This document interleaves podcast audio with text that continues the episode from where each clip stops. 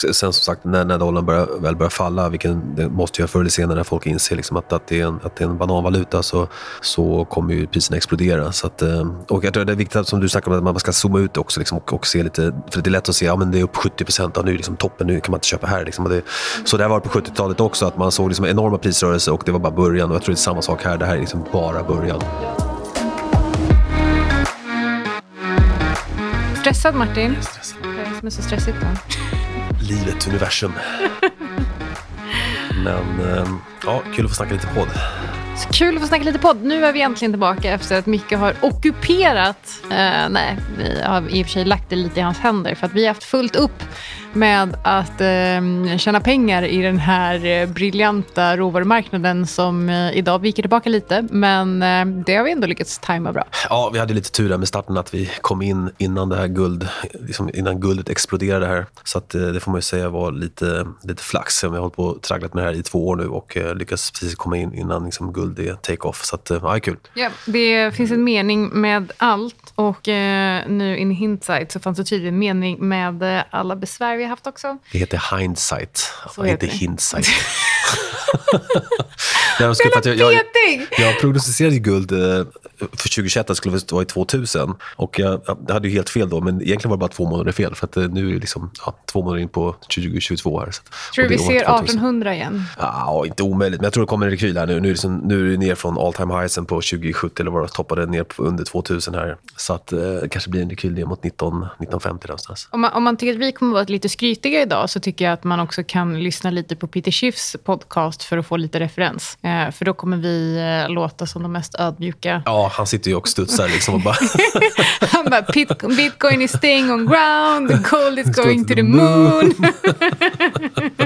ja, han har verkligen... eh, Det är roligt för honom att han får lite revansch. Ja, äntligen. Äntligen. Eh, men jag tänkte vi kan börja med att eh, tacka Alexander Marton som klipper den här podden åt oss. Den eminente klipparen. För att det innebär att vi kan säga hur mycket dumt som helst. Eh, och sen så klipper han bort tack, tack så mycket. Tack så mycket. Jag tänkte att vi skulle dela upp den här eh, dagen i tre delar. Vi ska snacka lite energi, vi ska snacka lite metaller. Och sen ska vi absolut prata lite grains. För att eh, nu är det min tid, finally.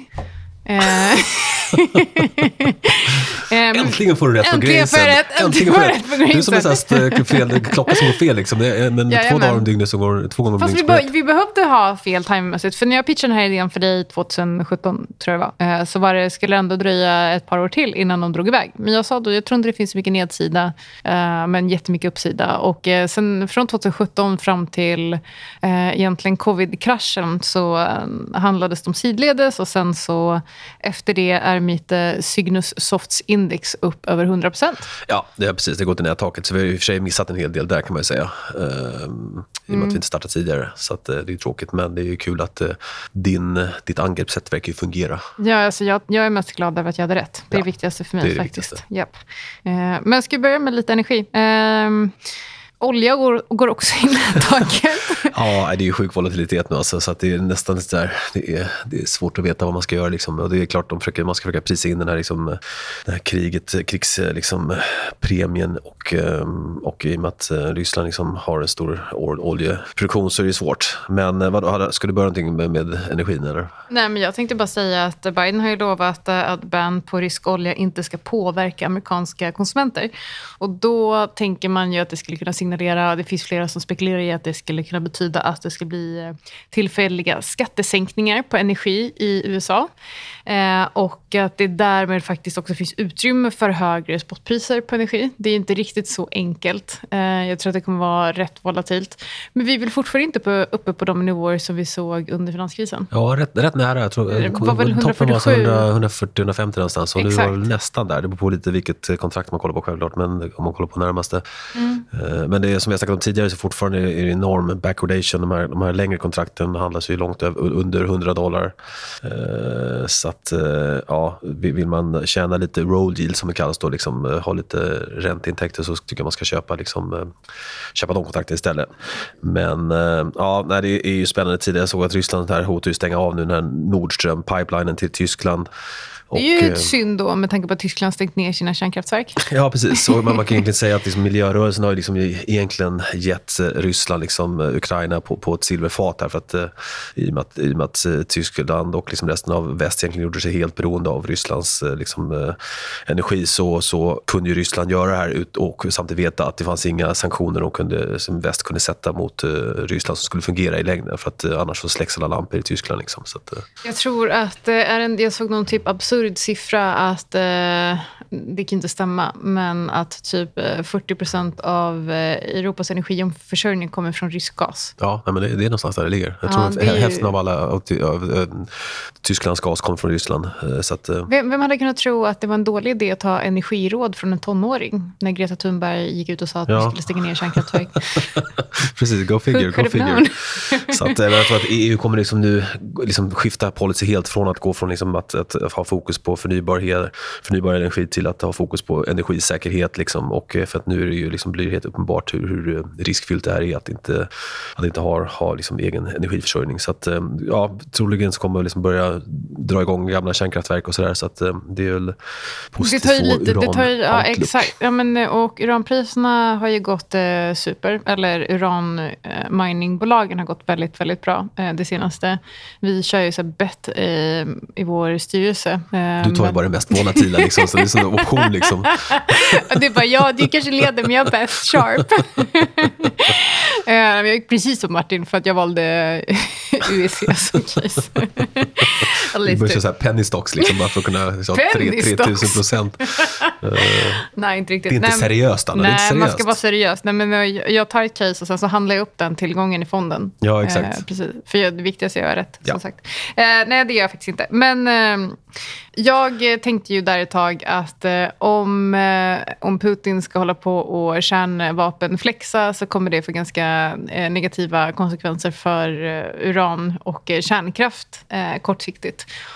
Och eh, vi såg det faktiskt eh, när Putin, eller när det brann lite i det här eh, kärnkraftverket i eh, Ukraina så, så föll alltså eh, uranbolagen 7 till 10 procent den dagen. Och det var inte som så att det fanns liksom en risk för att någonting skulle explodera, för det är liksom inte så kärnkraftverk fungerar. Det är inte som så att det brinner lite och sen så exploderar det och sen så är Europa förstört. Eh, det, det ska till ganska mycket. men, ehm, men jag tänkte ändå att blir säkert dålig PR och eh, marknaden är irrationell och eh, överhandlar egentligen, överreagerar på allt, eh, alla nyheter. Eh, så det följde och sen så studsade det upp ganska ordentligt och idag faller det igen för, i, eh, för nu studsar marknaden upp och då ska allting annat ner. För marknaden är effektiv och det syns ju absolut i volatiliteten, eller vad säger du? Ja, precis. ja, men det är lite intressant också att, att vi ser de här enorma eh, rörelserna i råvarumarknaderna och energi framförallt och samtidigt som dollarn är stark. Så, så att i, liksom för europeer och i, liksom Liksom i, i, i eurotermer och i SEK-termer så, så är oljan ännu starkare. För att ah, ah, när vi pratar om de här priserna i, i olja och energi så är det dollarpriser och dollarn har ju stärkt. Så det är liksom, det är skyddat lite de som har dollartillgångar liksom, och amerikaner då, för den prisökningen. Det blir desto värre för, för oss europeer. Då. Eh, så att, eh, då kan man tänka sig vad som kommer hända då om, om dollarn liksom i slutändan börjar falla, som, som vi tror att den kommer göra. Då kommer ju liksom Eh, det kommer bli ännu mer uppsida. Ännu mer uppsida. Men på tal om svag dollar då, så, ska ju, eh, så kommer det ju amerikanska CPI för februari ut eh, imorgon. Eh, alltså i samma dag som det här avsnittet släpps. Och jag tänker så här, det är väl fantastiskt för Powell att han nu kan skylla inflationen på Putin istället för att ta ansvar för sina egna handlingar. Eh, för nu kan han egentligen skylla inflationen på alltså, att eh, energipriser har dragit iväg så himla mycket.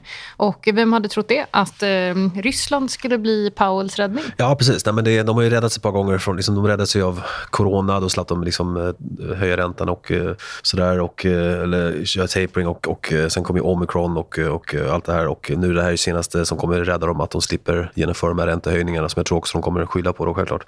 Precis, men, för allt som sker härifrån är Putins fel och förtroendet för Fed är då återställt, eller? Exakt. Nej, men jag, Nej, tror, men det... du, tror du att de kommer backa från första ja, räntehöjningen? För, för ett par veckor sedan så hade jag sagt att det var rätt hög sannolikhet att de skulle höja med 50 punkter för att, att eh, Paolo har varit rätt pressad uh, på inhemsk front uh, för att inflation är det, liksom, det största problemet för amerikaner om man gör så studier och det är det de liksom är mest lacka för. Så att Paolo är pressad att, att liksom försöka göra någonting åt det här, vilket är liksom lite märkligt för det är han som skapar inflationen. Så att ja, man kan ju sluta trycka pengar så skulle det hjälpa.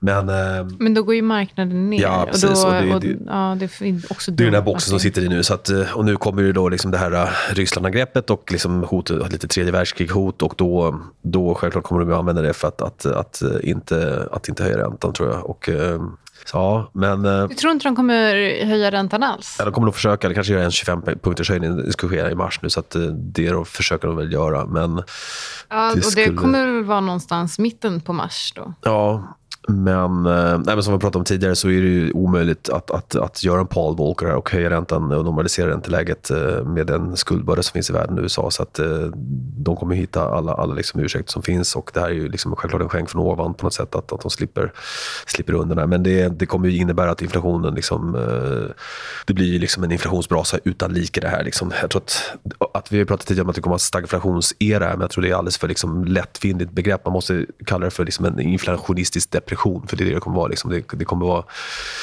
dålig tillväxt och eh, extrem inflation. Liksom. Så att, eh, ja, inte roligt. Men Så- nu, nu är vi så här positiva igen. Ska vi försöka ta, ta den, se den negativa sidan? Nej, men jag tycker mer och mer, när jag skrev det här memot i eh, januari förra året, att jag trodde att eh, USAs ekonomi mer och mer kommer likna eh, typ Argentinas ekonomi, så trodde jag inte att det skulle gå så snabbt, eh, eller att det skulle vara riktigt så här illa.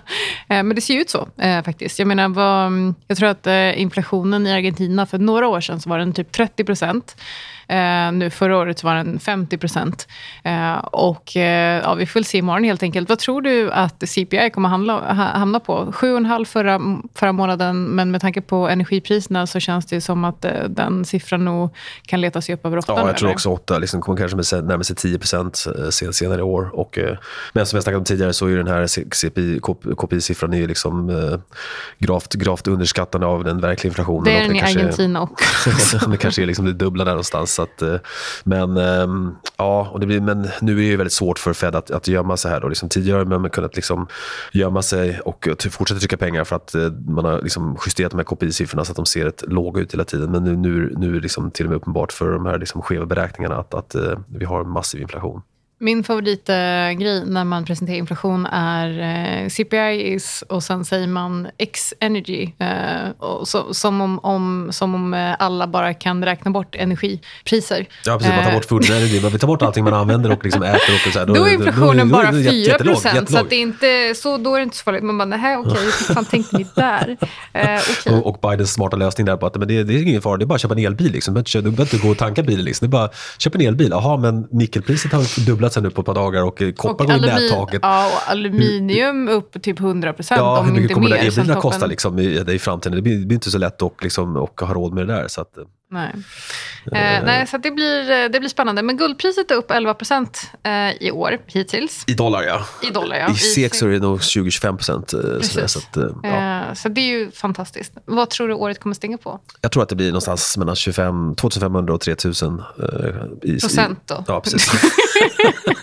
Miljoner procent.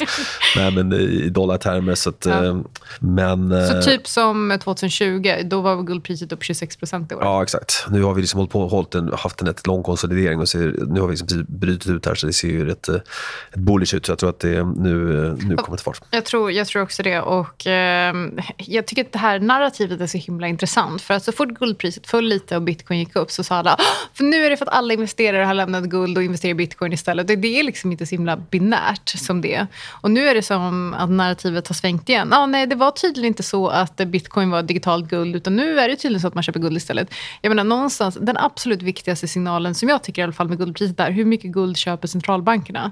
För det är liksom, de är eh, de absolut största ägarna av guld i världen. Ja, Så Ryssland har köpt eh, kopiösa mängder. Så eh, Exakt. Så om det, om det är någonting som man ska bry sig om så är det egentligen vad har centralbankerna för incitament att hålla uppe guldpriset? Det är inte som så att centralbankerna kommer massa sälja guld och massa köpa bitcoin. Nej, nej, det, nej, precis. Och eh, som jag sagt tidigare så är det ju egentligen, det är egentligen inte guld som går upp i pris här utan det är liksom, eh, det är värdet på fiatvalutor och köpkraft som, som eroderas. Alltså, det är snarare så man ska se det. Att, att, att ens köpkraft har liksom tappat 10% per år här sen, sen 1970 någonstans. Så att, eh, Det var ju muntert. Ja. Eh, men jag tänkte erkänna att jag har haft fel också. Va? Du har väl aldrig fel? Jo, men jag har faktiskt fel. Palladium. Ja, den var, den, var, den, var, den var inte bra. Men du ska inte shorta, Anna. Du ska aldrig gå, gå kort. Liksom. Du ska bara köpa. Men så länge vi trackade den eh, på, på vår whiteboard så gick det bra. Sen när vi var tvungna att sudda ut det så eh, drog priset iväg. Men ja, det var ju också whiteboarden en... åkte ut genom fönstret av någon lustig anledning också. Eh, nej, men jag, det var nämligen så här att jag skulle förklara vad roll yield var för en tjejkompis som var här. Eh, och då suddade jag ut den. Och sen så bara som en händelse dagen efter så bara drog palladiumpriset. det är faktiskt sant. Om du går ut och kollar på whiteboarden så, så, så har jag skrivit upp eh, vad roll yield är. Ja, eh, vi, vi köper den eh, förklaringen. Så går vi vidare. Så går vi vidare. Nej, men jag, så här är det dock för mig. Jag tycker fortfarande att det, det fundamentala caset är att jag är fortfarande rätt negativt inställd. Eh, och ju dyrare palladium blir, desto mer eh, sugen blir jag på att gå kort. Men jag har lovat att jag inte ska det. Eh, men hela caset är ju att vi ställer om till att använda mer och mer elbilar. Och nu är det liksom inte så himla långt kvar innan försäljningen av elbilar har gått om bensinbilar i Europa. Och Europa ligger i framkant eh, med några år sett till hur, hur det ser ut liksom teknologiskt och vilken typ av fordon som man väljer. Eh, förra året så tror jag att eh, det skilde bara så nog typ 10 procentenheter på an, eh, andelen elbilar och eh, bensinbilar eh, i Europa. och 40 procent av all palladiumproduktion går till att vara katalysatorer i bensinmotorer. Så att om den efterfrågan försvinner så kommer också en stor Eh, stor del av efterfrågan på palladium försvinna och då finns det ganska stor nedsida på priset. Och jag står fast vid det. Ja. Eh, så jag vågar inte köpa palladium heller. Jag Nej. skulle faktiskt fortfarande vilja gå kort, men jag gör väl inte det då. Eh, jag vill bara att vi ska ha det i minne. Ja. Så kan vi, vi besöka det här igen. Vi tar fram den whiteboarden sen om tio år så kan vi se att du har rätt där på palladium. Jajamän.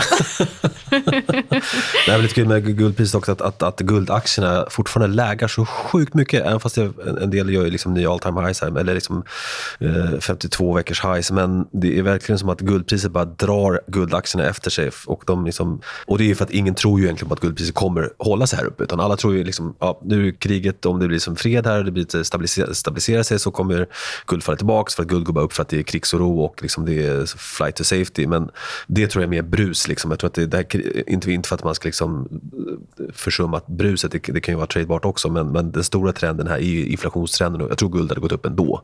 Mm. Ut, utan liksom en invasion av Ukraina. Så att, eh, Absolut, det blev bara en, katalys ja, katalysator. Precis. Men det var också så här, guldpriset drog upp och sen föll tillbaka. Och det gör alltid så när eh, priset drar på grund av geopolitiska oroligheter egentligen. Det blir liksom en kortsiktig effekt och då kan det vara ganska bra att sälja för bara inom några dagar så faller det tillbaka och sen så kommer det fortsätta upp. Ja, precis. Det, man ska försöka fokusera på den långsiktiga trenden här, liksom, eller huvudtrenden, vilket är liksom att, uh, att guld kommer gå upp och sen får man försöka utnyttja, som du brukar säga, det kortsiktiga bruset liksom, för att, uh, att eh, positionera sig bra. Mm. Ska vi uh, säga något? Alltså, silver är egentligen bara golden steroids. Uh, vi pratade lite om aluminium. Uh, Ryssland är tredje största producenten av aluminium. De svarar på sanktioner genom att stänga ner exporten. Jag tror att även om vi ser en liten dipp nu för att priset har dragit upp ganska snabbt och ganska kraftigt. Uh, typ som vi började prata om det. Jag tror att jag drog mitt aluminiumcase i podden i september. Uh, jag tror att sen dess är nog aluminiumpriset upp 40-50 procent. Mm, mm. uh, och jag tror att um, Eh, det här med att Ryssland stänger ner exporten kommer definitivt driva upp priset på längre sikt. Men sen är det också så här, hela aluminiumcaset är intakt. För det är världens näst mest använda eh, metall efter stål. Eller kan vara världens näst mest använda råvara till och med efter stål. Eh, och trots det så har eh, priset bara precis gått eh, förbi gamla all time highs från 2008. Eh, så att den egentligen handlats liksom i negativt eh, territorium fram tills för bara ett par veckor sedan. Eh, så det är fortfarande ganska billigt. Efterfrågan fortsätter att öka Eh, det är superenergiintensivt, så en tredjedel av kostnaden kommer från energi. Det gör att Kina, då, som är världens största producent och som står för 40% av aluminiumproduktionen, eh, ibland får de stänga ner produktionen för att de, inte, för att de har nått de liksom, tak av energikonsumtion som de får använda i vissa provinser. Och Då får de nettoimportera. Så att Kina var faktiskt, trots att de är världens största producent av aluminium, nettoimportör vissa månader förra året av mm. aluminium. Mm. Så att jag tycker att eh, det säger väl också, plus de här höga energipriserna, tror jag definitivt definitivt eh, ger utrymme för mycket högre priser på aluminium. Ja, precis. Och sen som sagt, när, när dollarn börjar, väl börjar falla, vilket det måste göra förr eller senare när folk inser liksom att, att, det är en, att det är en bananvaluta, så, så kommer ju priserna explodera. Så att, eh, och jag tror det är viktigt, som du snackade om, att man ska zooma ut också liksom, och, och, se lite, för det är lätt att se, ja men det är upp 70 procent, ja, nu är liksom toppen, nu kan man inte köpa här. Liksom. Det, ja, så det var på 70-talet de också, att man såg men... liksom enorma prisrörelser och det var bara början. Och jag tror det är samma sak här, det här är liksom bara början. Ja, så fort jag blir lite stressad så tittar jag på den här eh, eh, S&P genom eh, det här råvaruindexet. Ja, precis. Eh, S&P mot eh, precis, Jag brukar lägga ut dem på Twitter också och säga så här, det här är per idag. det är lugnt, Det har inte hänt så vi har mycket, bara liksom. börjat. det, är liksom fortfarande, det är fortfarande nere i botten. Eh, så att, eh, och nu dippar det ner lite, så vill man kortsiktigt göra en bra affär så tror jag absolut att det kan vara ganska bra att köpa nu innan de kommande veckorna. Ja, köp alla dips är väl en enkel, enkel, ett enkelt råd. Tänk så här med råvaror. Tänk bara använd alla de här buy the dip i stocks. Gör det på råvaror nu. Precis. Man an- flyttar liksom det här som man ska BTF, det är buy the fucking dip, till, till råvaror. Liksom. Sen är ju råvaror lite, mer, lite jobbigare än, än, än liksom aktieindex, här, för det är lite mer volatilitet och det är liksom lite stök helt enkelt. Man får sitta med och tugga vollan som man säger. Så. Så är det. Eh, men ska vi hoppa över till grains då kanske? Ja, eh, jag har inte så mycket att säga om grains, men, eh, så du får berätta vad du vill. Ska vi börja med att att bara viska ordet vete? ja, det var snyggt. Ja, det var snyggt. Eh, både på köpsidan där och på säljsidan. Eh, Ja, nej, det har verkligen varit eh, sjuk, sjuk eh, volatilitet där. Alltså. ja, eh, och nu det, var, är det jag en, tror det har varit fem, sex limit up-dagar på raken i vete. Så att, eh, jajamän. eh, lite Eh, roligt. Det var, inte, det var länge sedan man såg det. Ja, men nu, nu, som sagt, det har bara börjat. Eh, nej, men så, och vete har fortfarande inte gått förbi gamla all time highs. Så att, eh, man kan sätta det i referenspunkt också. Ja.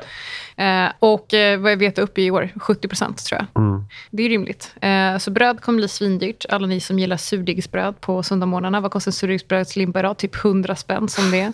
det är helt absurt, by the way. Eh, det som är lite intressant, för anledningen till att vetepriset har dragit upp så ordentligt nu på Ryssland-Ukraina-krisen är för att Ryssland och Ukraina tillsammans står för 26 procent av den globala exporten av vete. Så det är liksom en fjärdedel. Det var 2020 års siffror. Så att, att eh, det här kriget får liksom en del stora konsekvenser. Och det är också så här att för att vi ska kunna så årets skörd så behöver ukrainska bönder göra det om nu typ fyra veckor. Och det ser liksom lite mörkt ut eh, faktiskt. Så De att, har eh, annat, annat att tänka på. de har annat att tänka på, tyvärr. Ja. Eh, så att, eh, vi kan nog räkna med att det blir liksom lite eh, lågt på vetefronten eh, kommande året. Men då är det också så här att substitutet för vete är sojabönor. Så det är också därför som priset på sojabönor börjar dra iväg. Men de har inte dragit lika mycket, så eh, kan vara läge att köpa. Och två andra, inte grains, men softs då, som jag tycker är bra att hålla koll på just nu är för att vid högre oljepriser så eh, får etanol också högre efterfrågan. Och det görs framförallt av, av majs och socker. Och en ganska stor del av produktionen av majs och socker, jag tror att det är typ så här 40 och 70 procent av produktionen av majs och socker går till att tillverka etanol. Eh, så när priset på olja stiger ökar efterfrågan på etanol och därmed också på eh, majs och socker. Så jag tror att det är också två råvaror som kommer vara bra att äga just nu. Det verkar inte som att energipriserna kommer falla. Jag tror att, jag tror att vi kommer se mer skattesubventioneringar än något annat, vilket kommer göra att spotpriserna kommer kunna hållas ganska eh, höga. Eh, Cathy Woods eh, target price Din på favorit. Brent, 12 dollar.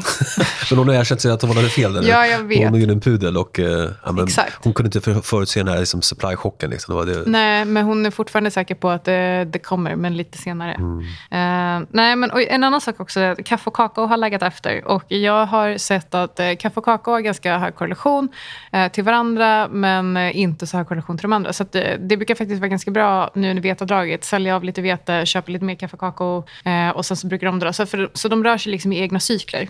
Ehm, så jag skulle nog dra upp allokeringen i kaffe kakao nu. Mm. Ja, men, eh, jag, jag tycker socker ser sjukt bra ut eh, rent chartmässigt. Så att, det, den, eh, ja, den, det är min favorit just nu faktiskt. Mm. Ja. Men Jag gillar också den här analysen att du har så värsta långa fundamentala analysen. Jag, jag säger bara att det ser bra ut tekniskt. Liksom. Charten ser Punkt. bra ut. jag läser så här skörderapporter ibland och så skickar jag det till Max. Eh, och då säger han, eh, jag förstod ingenting vad du sa, skicka en graf. eh, nej, vi kompletterar varandra där. ja, Eh, förstod du någonting av vad jag sa? inte mycket. Okej, men håll, håll koll på sojabönor, socker, majs, eh, kaffe och eh, kakao. Kanske framförallt kakao. Ehm, men kanske också eh, kaffe om dollarn faller. Ja, och på kort sikt eh, tycker jag socker ser bäst ut. Men det kan eh, ja, ändras de kommande dagarna. Men eh, just Ja. nu så är det som en eh, För du har ju horisont på liksom... Eh, två timmar. så när jag säger att jag vill gå kort palladium så är min horisont två år. Och du bara nej! Den ska upp 3 från här. Sen ska den ner.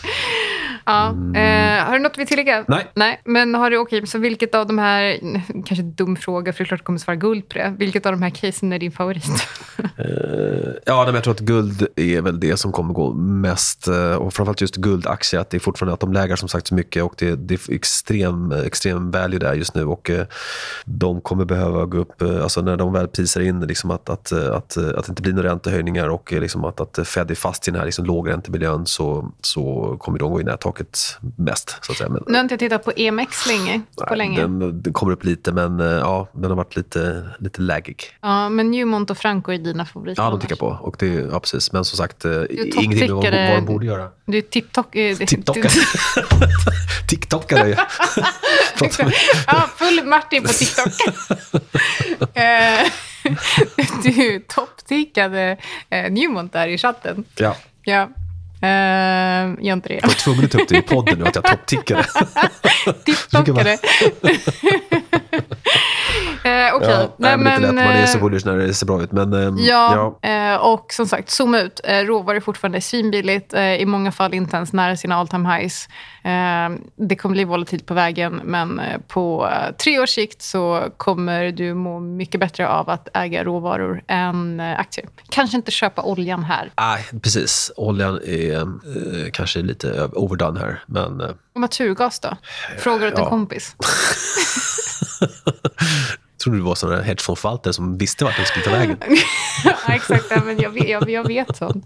Jag vaknar liksom. Ja, nej, inget speciellt på, på nätgas, men den, den har inte gått lika mycket som, som, som cruden. Så att, eh, men crude och heating oil och, och uh, gasoline, alltså R-bobben, är ju alltså det är, det är så sjuk volatilitet så att det är, ja, man vet inte vad man ska göra. Men, eh, jag tror man ska, man ska bara sitta still i båten, köpa och eh, sitta still. Så får man försöka sitta med i resan. För som sagt, jag tror att energin kommer gå även fast det, liksom, det kanske blir någon form av liksom, stabilitet i den här eh, krigsfrågan. Mm, exakt. Och tror du att det kommer bli det då? Är det, nu får du vara lite krigsexpert i, Ja, eh, jag, som ingen, jag är avslutningsvis. ingen geopolitisk liksom, expert. Så, där, så att jag, eh, men ja, det är alltid det ska man prisa in liksom, att, att Putin eh, kanske trycker på kärnvapenknappen. Och, eh, men vi, vi har haft två incidenter tidigare i historien när, när folk, eh, alltså officerare har fått order att, att trycka på knappen och så har de inte gjort det av olika anledningar. Det var ju dels den där ubåten när de fick liksom eh, order att trycka på knappen och då så avbröts ju kommunikationen sen så han vägrade officeraren så han tryckte aldrig på knappen vilket var helt rätt för att de försökte ju liksom skicka en order om att det var fel. Och det andra var ju den där killen som fick en, de såg dem på, på radarn att det såg ut som att det kom massa missiler från USA men det var egentligen bara eh,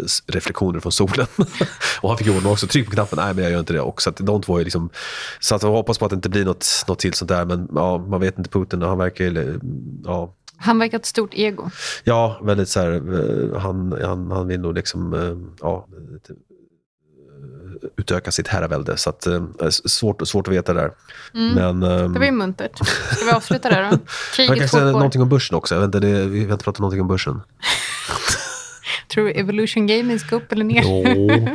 Nej, men... Eh, eh, nej, men jag tror kortsiktig rekyl, sen eh, kanske ska ner lite. Jag, jag tror fortfarande på vad jag skrev för några år sedan, att eh, det blir så bombast-cykler nu. Det kommer vara fort upp, fort ner. Eh, och eh, långa cykler som man har sett på liksom ett decennium kommer vi se liksom under korta perioder nu. Och då tänker jag priscykler på börsen. Så eh, vollan kommer vara kvar. Ja, precis. Men jag tror också, nu, nu, nu har varit lite liksom, väl mycket nedsida, så kommer säkert studsa här i, i mars liksom, och få, få en rätt okej rekyl. Men i slutändan så är det fortfarande, börsen kommer tyngas av det här faktumet att, att, att eh, Fed är liksom på, på tightening, liksom, tightening mode här och, och vill höja räntan. Och eh, nu, eh, om om liksom krigsoron bedarrar oss så, så kommer vi liksom tillbaka på, på räntehöjningsfokus och det, det kommer tynga börsen igen. Då, så att, eh, eh, ja, kortsiktigt lite bullish men fortfarande jag tror att det blir ett tufft börsår här. Då har du lyssnat på Andi... Har lyssnat på Antiloop Podcast som produceras i samarbete med Vexatom Media. Ingenting som du har hört i det här avsnittet har varit någon form av rekommendation och alla placeringar är förknippade med risken att förlora hela eller delar av ditt kapital. Glöm inte att prenumerera i din podcastapp och lämna gärna en recension så hjälper du oss nå ut till fler lyssnare. Mer information om Antiloop hittar du på antilophedge.com. Där får du även tillgång till Antiloops senaste memos.